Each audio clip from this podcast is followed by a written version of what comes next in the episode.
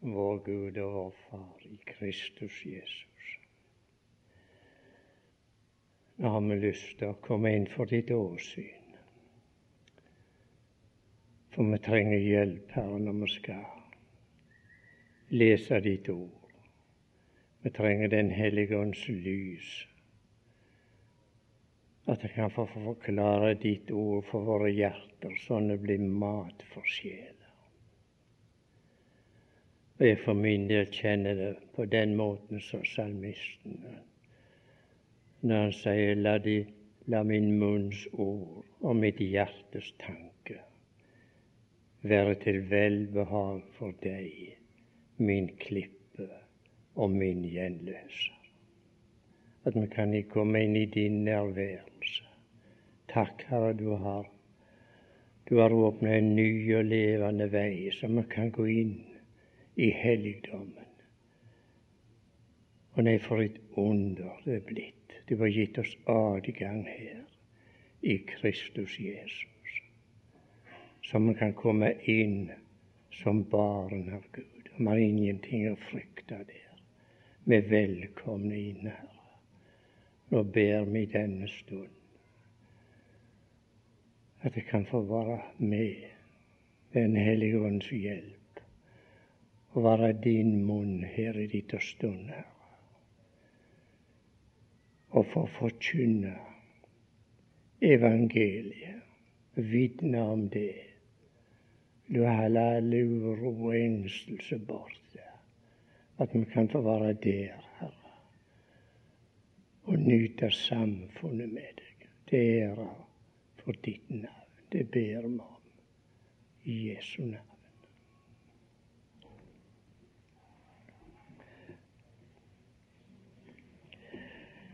Det var et ord som var så trøsterikt for meg i dag. Og det har vært det før, men det kommer igjen og igjen. Det finner vi i Salme 116. Det er et enkelt vers som står der. Kom igjen, min sjel, til din ro, for Herren har gjort vel imot men det, det er balsam for urolig sjel. Og det innforstått i det ordet Kom igjen, min sjel, til din ro. Sjela kan være ute på villsomme veier den av og til, og er ikke kjenner til det? I urolige sjel. Men her er beskrivelsen. Kom igjen til din ro, min sjel, for Herren har gjort vel imot deg. Kan ikke du òg si det? Herren har gjort vel imot deg. Det er så usigelig godt når vi veit vi har vår sjels hyrde og tilsynsmann. Og så gå tilbake til Han, og da kan vi få ei rolig sjel, og det får vi bære med og lese brev. Vi har vel alle såpass kjennskap til hvis vi har fått et kjærlighetsbrev. Vi vet godt hvor det trøster oss, hva det sto i det. Bror og søster, her er kjærlighetsbrevet. Hvordan er det med deg når du leser det? Oppmuntrer det ditt hjerte fra en bak brevet som har skrevet det. Og han har skrevet noen vidunderlige ord til oss. Og vi vet hvordan det er rent naturlig. Når det er noen som er forelska i en annen, og de sender brev, så går man ikke bare på kirkebakken og leser det opp. Nei da. Man finner seg i ei krok, så kan være aleine og lese og nyte av brevet. Gud gi at vi i vårt liv og vår vandel må lese brevet mer enn vi gjør. For det er ingenting som kan erstatte et såret kjærlighetsbrev. Og det veit vi. Når man får et, et kjærlighetsbrev fra noen, så er det hjertet hjerte bak det brevet som er skrevet. Og det forunderlige er, når vi leser et sånt brev, kan lese imellom linjene. Jeg tror de fleste av oss kjenner til såpass. Du leser brevet, men det er noe som imellom linjene. Her er noe av guddommelig art. Når du leser det brevet, så blir hjertet så forunderlig varmt, og det slår for den han som har forfattet brevet og gitt oss det. Må det bli mer og mer kjært for oss i denne vonde, vanskelige verden som vi lever i, at vi får gå avsides og lese brevet. Herren sa det i sin tid. Gå inn i ditt lønnkammer, sa han, og lukk din dør. Glem ikke det, min venn. Lukk dør. Det kan du gjøre rent fysisk òg, om du har en plass. Gå inn og så snu nøkkelen. Men du kan gjøre det sjøl på arbeidsplassen. Gå inn i ditt lønnkammer, lukk din dør, og alene med Han som kan tilfredsstille sjela. Og nei og nei, hvor oppjagde vi er. Vi forstår det hvis det ikke er riktig. Ikke bare til, til, til det rent fysiske, men vi er så oppjagde åndelig. Når vi skal vitne om Gud og Guds ord, så så, så, så er vi så forjagde. Vi sier nå har vi ikke tid til å lese det nå og nå. Ja, vi er så forjagde. Har vi ikke tid til å lese brevet? Man må kunne sette alt annet til side. Spare på våre ord heller, og lese mer her. For det er her trøsten finnes. Den trøst som kommer fra all trøst Gud. Og det er mitt inderlige ønske av de unge mennesker til, til stede. Les Guds ord. En gang skal du få bruk for det, om du ikke får ta imot det med en gang. For Den hellige ånd i det. Han tar anledning av ordet, han. Og så åpenbarer han seg. Gud gi at vi må bli mer og mer avhengige av og ikke være avhengige, men lyst til å lese Guds ord. Den kommer med lesingen, den. Kommer ikke dettende. Nei da, han kommer av kjennskap. Lyst til å lese Guds ord. Nå tenkte jeg for min del skal vi lese litt ifra Hebreabrevet om Han som har sendt kjærlighetsbrevet til oss. Han finner vi overalt når vi leser Bibelen. Men vi finner det òg her i, i Hebreabrevet. Hebreabrevet kapittel 1, der skal vi lese noen vers. Ikke så mange, men ifra første vers i Hebreerne 1 etter at Gud fordom hadde talt mange ganger og på mange måter til fedrene ved profetene, så har han i disse siste dager talt til oss ved Sønnen. Så har han i de siste dager talt til oss ved Sønnen. Nå har jeg hørt det er noen som går og undrer seg på om det skal komme noe mer. Jeg hørte til og med på et møte. De går og venter på et nytt rundskriv. Da får vi vente forgjeves. For her så Sønnen har talt. Og hvem vil våge å tale etterpå? Sønnen har talt. Det kommer ikke et ord mer. For Den hellige ånd Han har skrevet et ammen her ved slutten av boka. Og før han avslutta, så har han lagt pennen til side, tørka godt av han, og så sa han ammen. Det skal visselig skje etter denne forklaringen på det. Bror og søster, det kommer ikke noe nytt. For Gud har talt. Og han har talt det som skal tales, og som tilfredsstiller oss fullt ut. Og vi bare lærer han å kjenne gjennom det han har talt. Vi leser videre her. Vi kan lese det verset om igjen.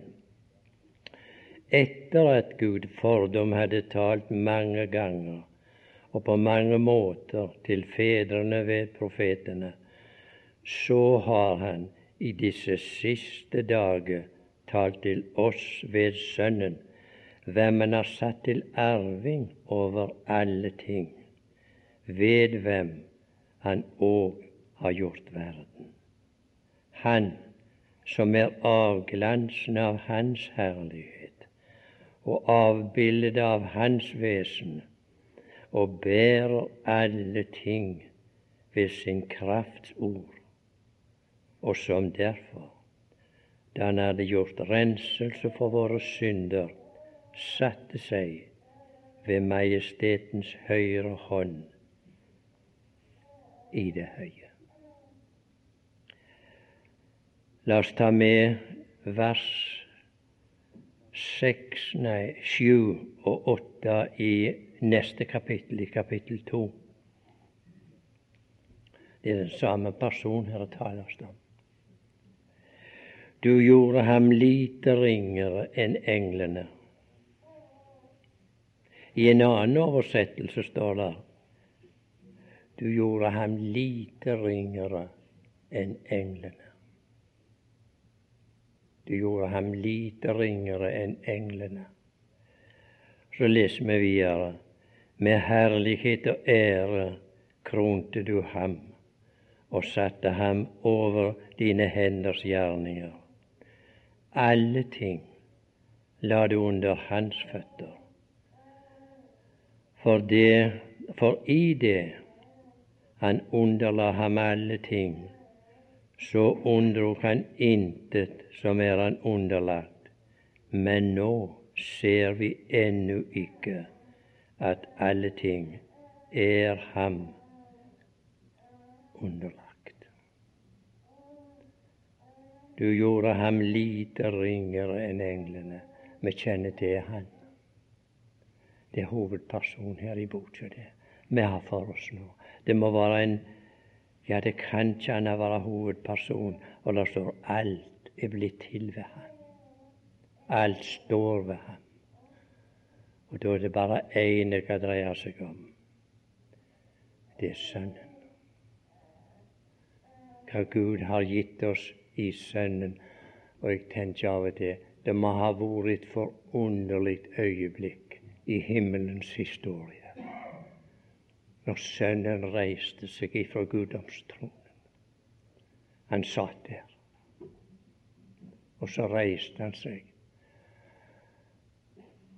Og jeg for min del i min tanke har tenkt og tenker av og til ennå hva må de ha syns, de himmelske vesener som overgår en annen i kraft hva er det skal skje.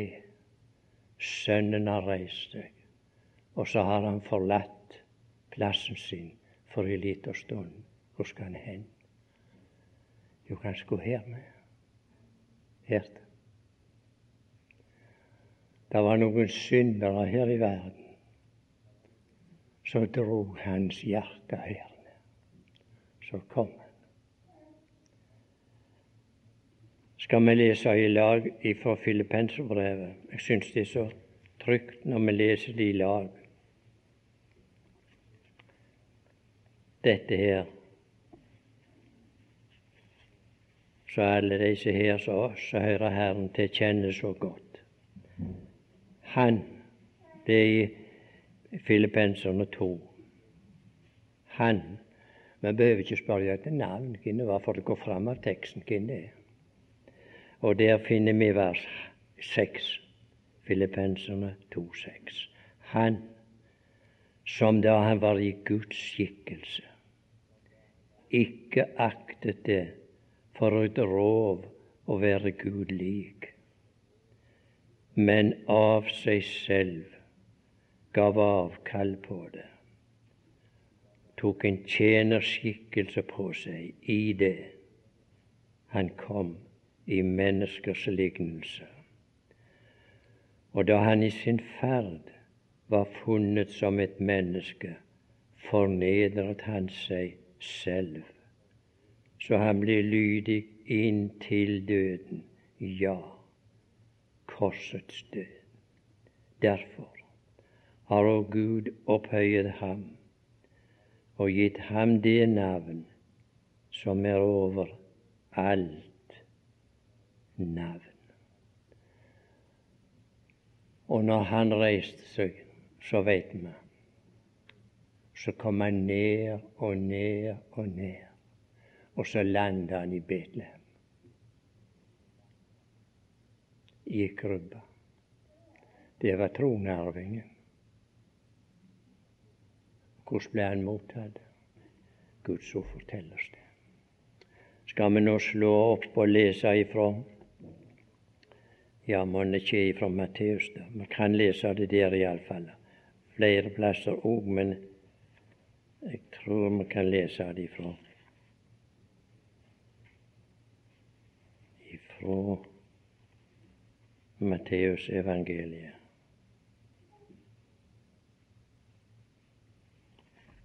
Og det er Matteus 8. Nå skal jeg se før jeg sier mer.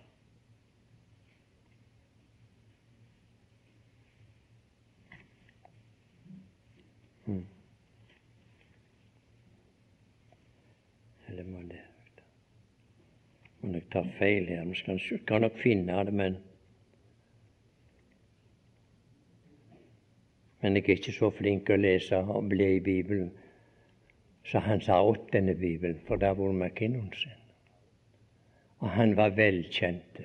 Han kunne slå det opp og finne det meste med en gang. Og den er fra hans unge dag når han kom her til.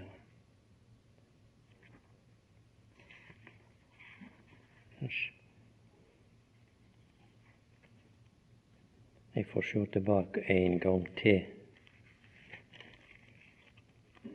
før jeg kan finne det der.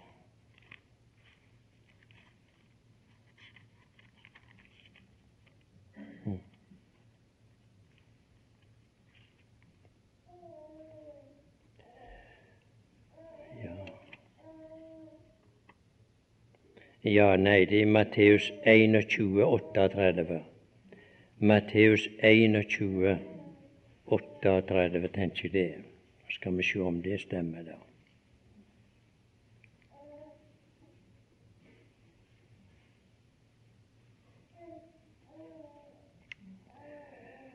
Ja, la oss ta ifra vers 33. Matteus 21. Vi vet Herren talte i lignelse til dem. Hør en annen lignelse, begynner vers 33 med.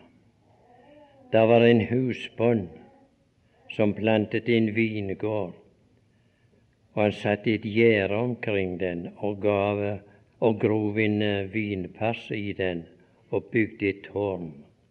Og så leide han den ut til vingårdsmenn og drog utenlands. Da det nå led mot frukttiden, sendte han sine tjenere til vingårdsmennene for å ta imot den frukt som kom han til gode. Og vingårdsmennene tok hans tjenere.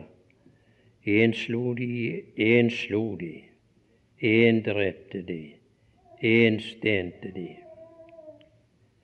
Atter sendte han andre tjenere, flere enn de første, og de gjorde likeså med dem. Men til sist sendte han sin sønn til dem og sa:" De vil unnse, for, unnse seg for min sønn. Men da ypperste prestene så Sønnen, da vingårdsmennene så Sønnen, sa de seg imellom, dette er Sønnen. Kom, la oss slå ham i ild, så vi kan få arven hans. Det var mottagelsen han fikk, han som reiste seg ifra guddomstronen og reiste seg i kjærlighet for å frelse syndere. Vet, der står en annen plass han kom til sitt eget. Ja, vi sammen leser om det i Hebreabrevet. Det var hans alt, dette. Hele universet var hans. Han kom til sitt eget, men hans egne tok ikke imot ham. Og du vet så inderlig godt hva de sa. Bort med han.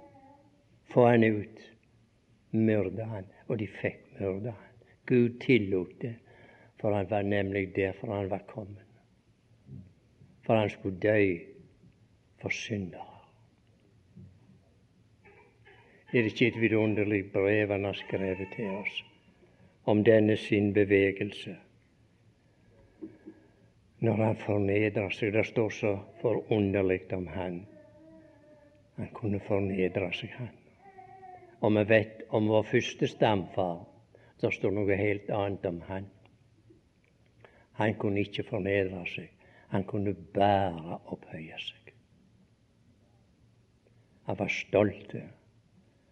Og vi har arva det med, vi som her, og alle som er født i kjøtt. Vi har arva den vår første stamfar med. Stolthet. Og så ser vi Gud talte til vår første stamfar men han avviste Gud. Men så var det en annen som talte. Satan. Og så adlød vår første stamfar, vår jordiske, kjødelige stamfar. Han hørte ikke etter Satan. Og så vet vi hva vei det gikk. Så falt slekta, og du og jeg, i lag med all resten så var det opp og avgjort. Det var ruin. Et uforbedret ruin. Men så var det et hjerte i himmelen. Han som har lest om her. Han som ikke akter for et rov å være Gud lik. Og så sendte Gud han ut så kom han i syndig kjøtslignelse. Så står det så godt om han. Han kunne fornedre seg. Men det kunne ikke den første stamform. Han som ruinerte alt. Men han som oppretta det, han gikk motsatte veien, han. Han kunne fornedre seg, han. Men så ble han opphøyet. Må nettopp lese det. Derfor har Gud høyt opphøyet ham.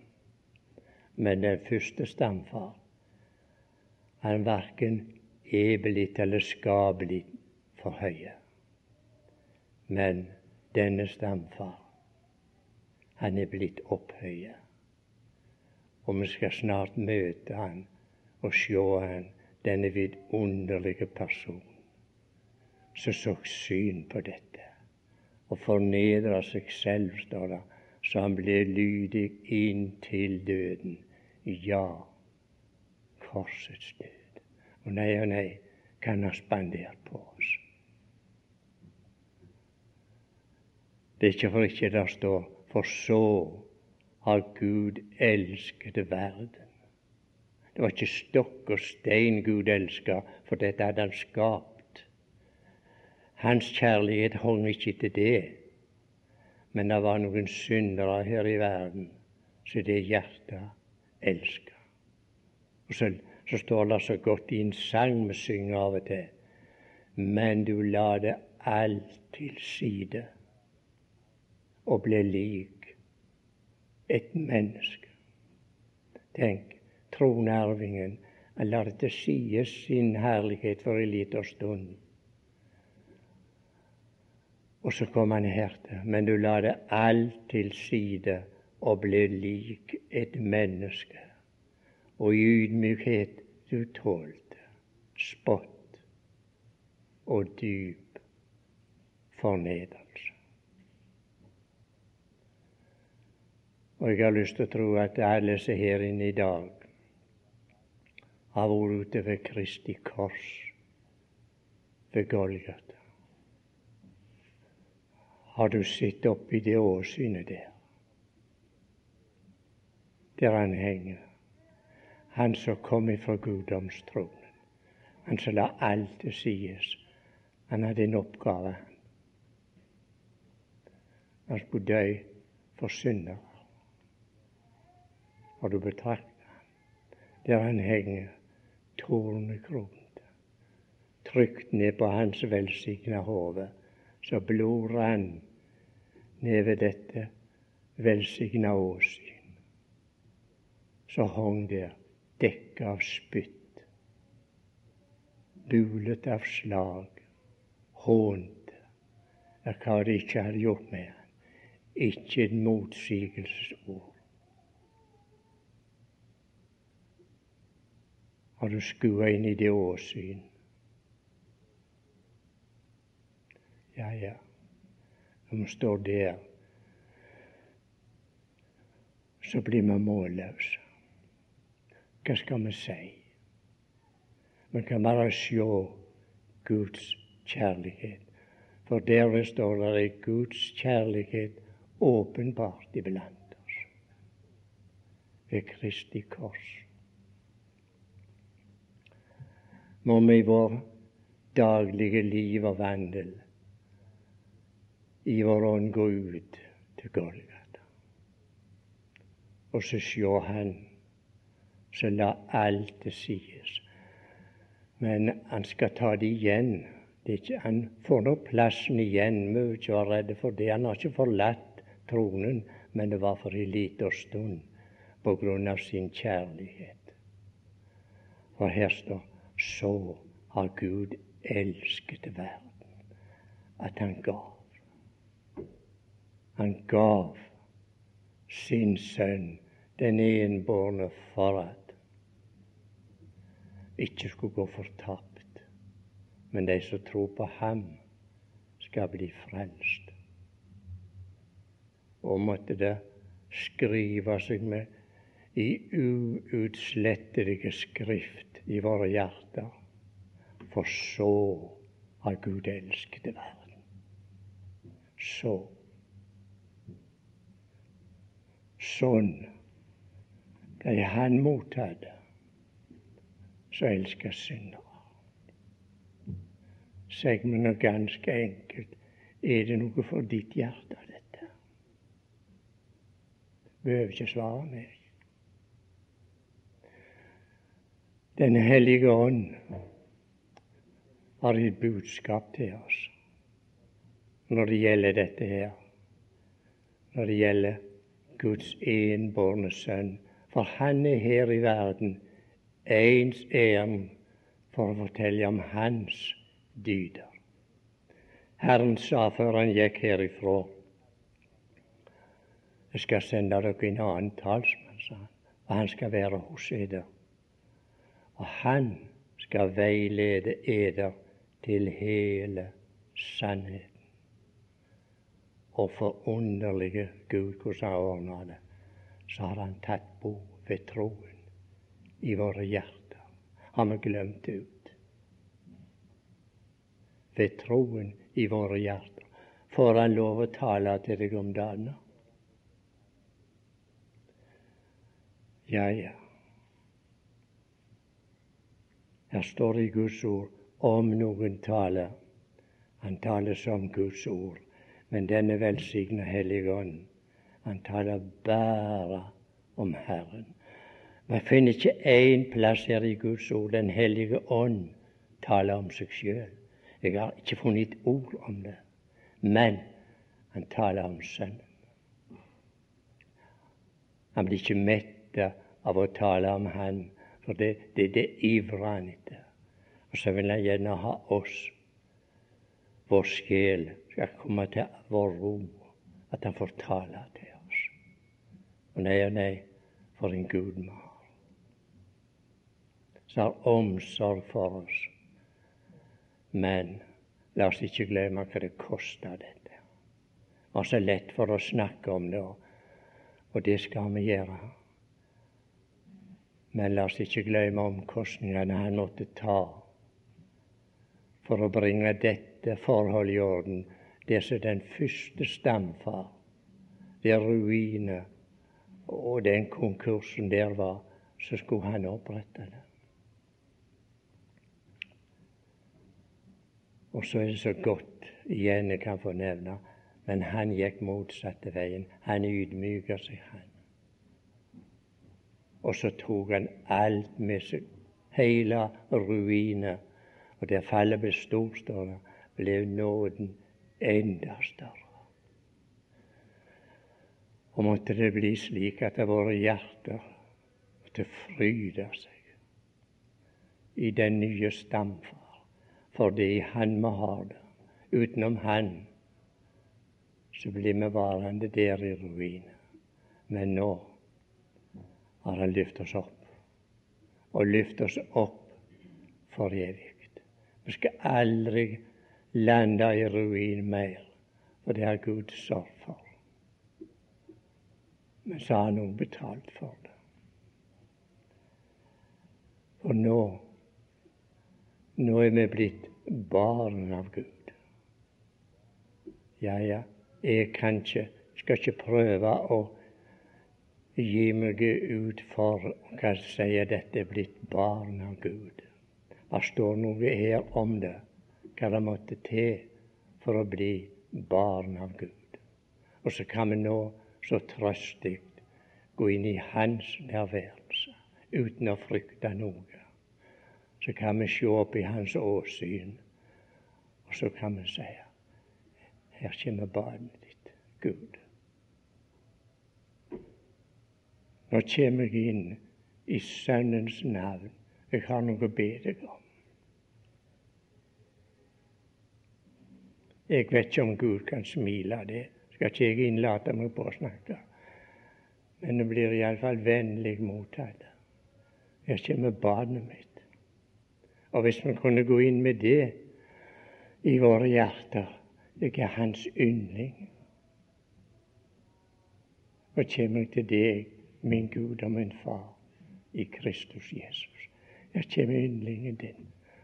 For du synes like godt om meg som blir han Sønnen din. For her står dersom noen i Kristus,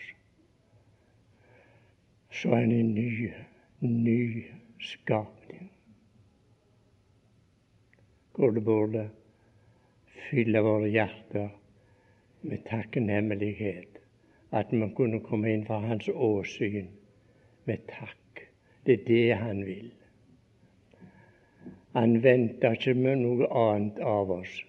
Og vi har ikke så mye å komme med, men det Han har gitt oss, kan vi komme med med takknemlighet. For her står den som ofrer takksigelse, han ærer Gud. Og godt er det å tenke på det, at det nå er blitt barn av Gud. Og dette her å bli barn av Gud Ja.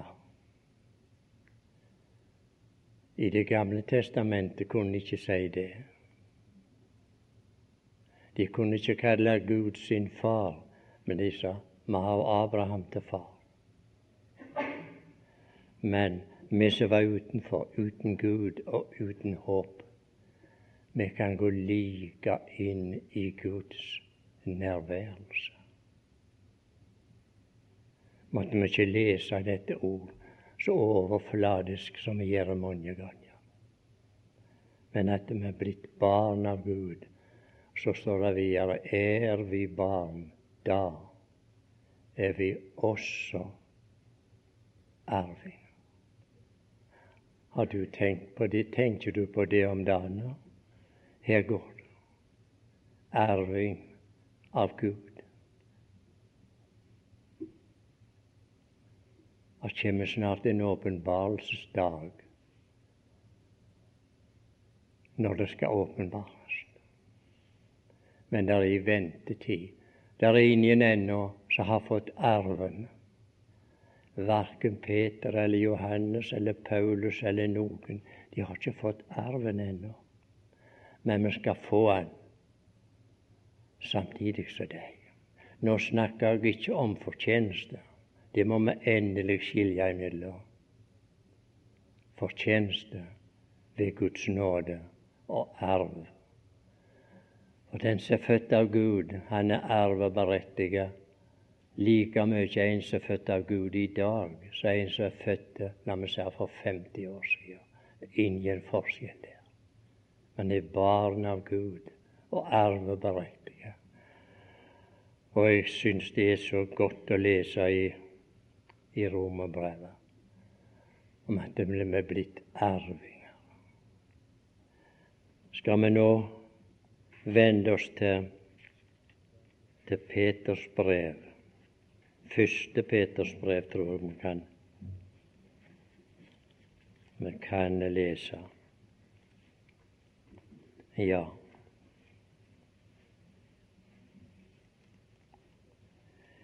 I det brevet leser vi om arv etter to stamfedre.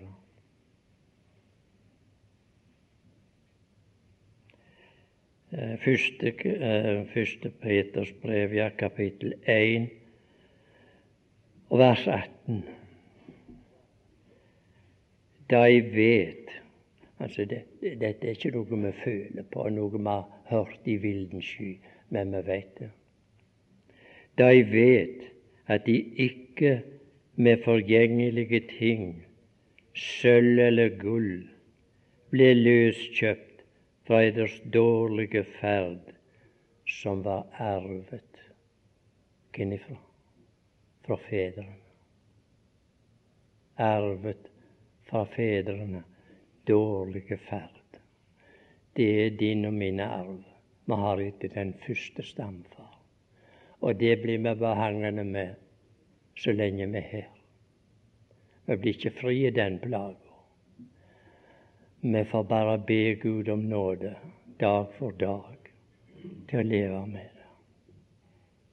For det kommer en utløsningsdag. Men vi må nok vente. Og så leser vi om en annen arv her i det samme kapittel. La oss lese fra vers 3. Lovet være Gud og vår Herre Jesu Kristi Fader, Han som etter sin miskunn har gjenfødt oss til et levende håp ved Jesu Kristi oppstandelse fra det døde, til en uforgjengelig og usmittet og uvisnelig arv som er gjemt i himlene. Er det ikke så det står? der? Ja, som er gjemt i himlene for eder, som ved Guds makt holdes oppe ved troen. Det står mer. I som ved Guds makt holdes oppe ved troen til den frelse som er ferdig, ferdig til å bli åpenbart i den siste tid. En uforgjengelig og usmittet og uvisnelig arv. Hvor er han henne? Jo, han er gjemt i himmelen. Gud være takk.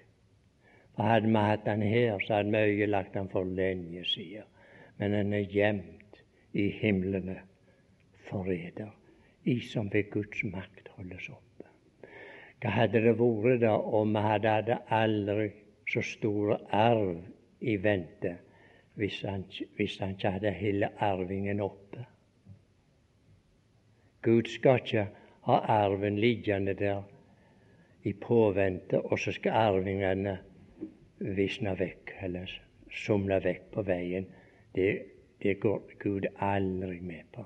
Han er oppeholder arvingene inntil forløsningens dag.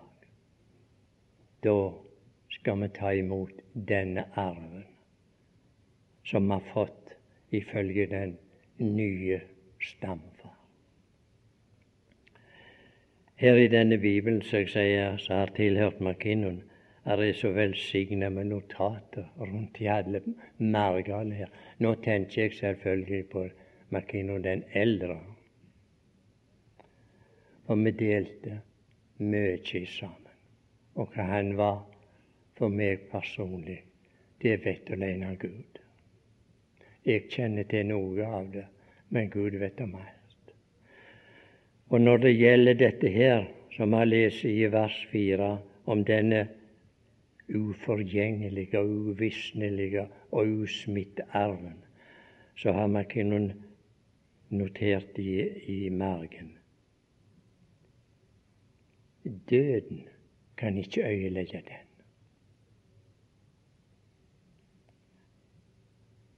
Nei, han er oppbevart utenfor dødens område. Og så skriver han videre i den bemerkningen her i, i margen. Synden kan ikke besmitte den. Det er en umulighet. Det kommer ikke synd inn der. Og det har aldri vært synd der. Er det ikke godt for oss å vite? Døden kan ikke knekke den, den arven. Og synda kan ikke, kan ikke bli besmitta. Og så har han skrevet som det siste Alder kan ikke påvirke. Nei. Er gjemt i himmelen for eder. Det er uangripelige. Og den arven hører deg og meg til skulle ikke glede våre hjerter usigelig. Vi som går det. går det og går det så godt an om vi lever i fattige en stund i denne verden. Hva har det betydd? Når vi reiser mot den evige verden, så har vi en, en arv som ingen mer kan ta ifra oss. For da er vi hans nærværelse som har kjøpt oss og kjøpt den arven. Og det står vel i de første Korinterbrev, det tror jeg jeg vil lese, første Korinterbrev.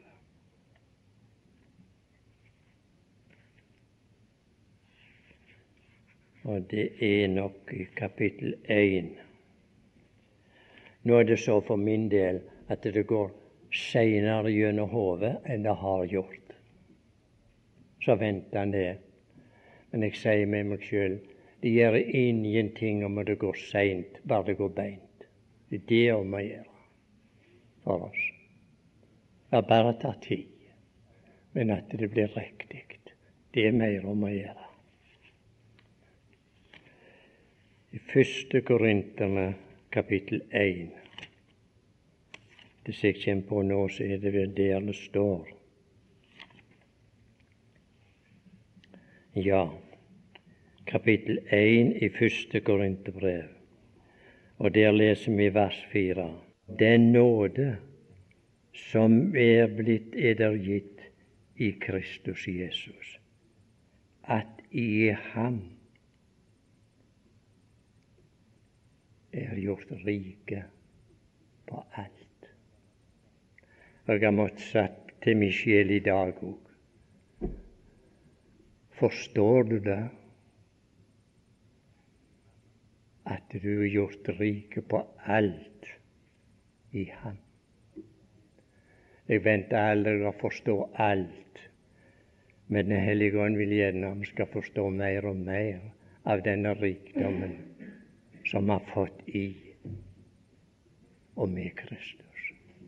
Vi har gjort rike på alt i Ham.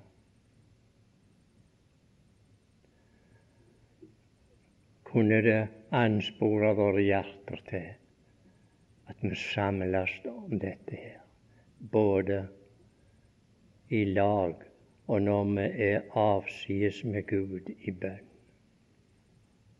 Gå inn for Hans åsyn og snakke med Han om. Og det nytter ikke med all verdens preiker og predikanter. Du vet ikke før kommer du døra mange mange for du spør hva var de sa. Men hvis Den hellige ånd får legge det inn i våre hjerter, så blir det varende der. For det er ingen som kan forklare Kristus så som Den hellige ånd, og får ikke Han gjøre det, så er det fåfengt. Så kan vi snakke stolpe opp og ned og vi kan vite om alt og kjenne til mange slag. Men hvis kjenne Hellige Ånd har fått lagt inn i våre hjerter, så renner det så snart ut igjen. Men her er noe ved Den hellige ånd. Og så skal vi ha Han til forløsningens dag. Og når det gjelder alt dette her, kan vi se av den denne rikdom som Gud har gitt oss, og den arven. Jeg tror vi skal lese Efeserbrevet. Det vet vi, det er et forunderlig brev. Bare Jeg tror det er i første kapittel. Det står noe der.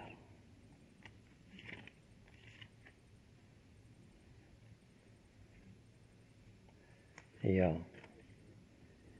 Efeserne 1,11. Han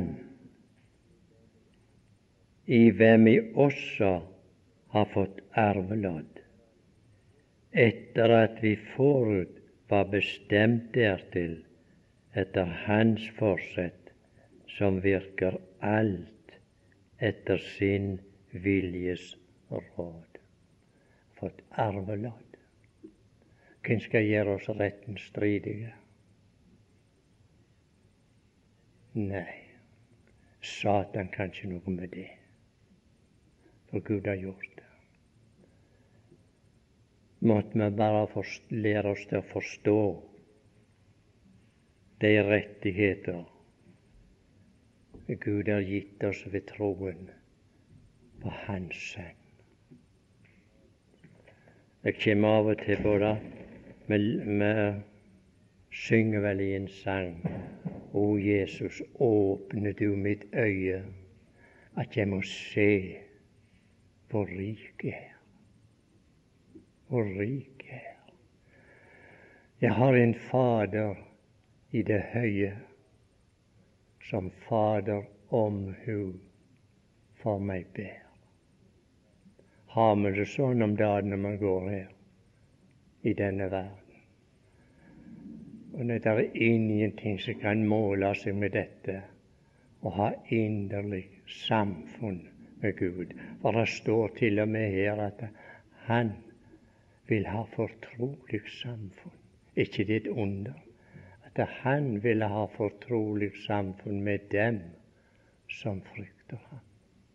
Ikke med dem så det er ikke frykt av å være redd. Det er ikke det her står, men de som elsker Han vil ha fortrolig samfunn med dem som elsker Så tida år går. Jeg kan bare si for mitt vedkommende. Det er så godt å vite nå skal jeg snart møte Han. Møte Han hvis åsyn ble så ille tilrett. Det så ikke ut som et menneske står her. Skal vi snart møte Han. Skal se opp i det åsyn. Ja, ja. Jeg har aldri hørt noen, og vil aldri få høre noen, kan gi meg forklaring på det møtet. Men du skal se Han som Han er. Det er vel en annen sangforfatter, mon ikke er Lina Sandell, som sier det på den måten. samme arv der oppe i det høye. Samme himmel, samme Gud og Far. Herre, åpne blott mitt øye for de skatter jeg i sannhet. Og så er det med dine og mine øyne. Var ikke det apostelen ba så innstendig om, og så varmt om når han tenkte på efeserne? En skulle ikke tro de hadde trengt så mye forbønn. De sa sto i så forhold til Gud. Men apostelen sier at en må få hjertets opplyste øyne, så dere kan sjå hva Gud har kalt dere til. Hjertets opplyst øyne. Skulle vi be, være med på, på våre knær og be Gud om at disse dager og år og tid går, at de kan få opplate våre hjertes øyne, så vi kan få se hvor rike vi er i Kristus Jesus. Og jo mer vi får se det, jo mer vil vi lengte og stunde til å møte Han. Da skal det ikke bli vanskelig å forlate verden når vi skal se Han som har elska oss slik. Han som var så og er så forelska i syndere i denne verden at han kunne si ta meg. Ta meg og la de andre gå. Han som kunne si det, det forunderlige når han hong der på korset. Forlat dem, for de vet ikke hva de gjør. Det var han som gikk ut ifra guddomstronen, det som han leser om her. Gud gi at han må gripe våre hjerter mer dag for dag, så som tida går, og at vi kan leve for Han mer enn vi har gjort. Takke Han og prise Han. Og det står vel, det er vel i slutten av Salme 147. Betal Nå, hvordan er det står nå? Ja, ja. Det, om, det ærer Gud. Ja, det, det kan en nå lese sjøl, men det går ut på det. Den som ærer Gud, han tilfredsstiller Guds hjerte. Og vi har så lett for å be om våre ting, og det skal vi gjøre. Men det var nevnt av en på timene her i dag om en som var det en som hadde sånn omsorg for Guds ting. Når han ba, så ba han for de ting som hørte Herren til. Var det Epafrodittusmannen? Det var sitert der iallfall i dag. Må Gud gi oss at det så dager og år går, at han må få mer takknemlighet ifra oss.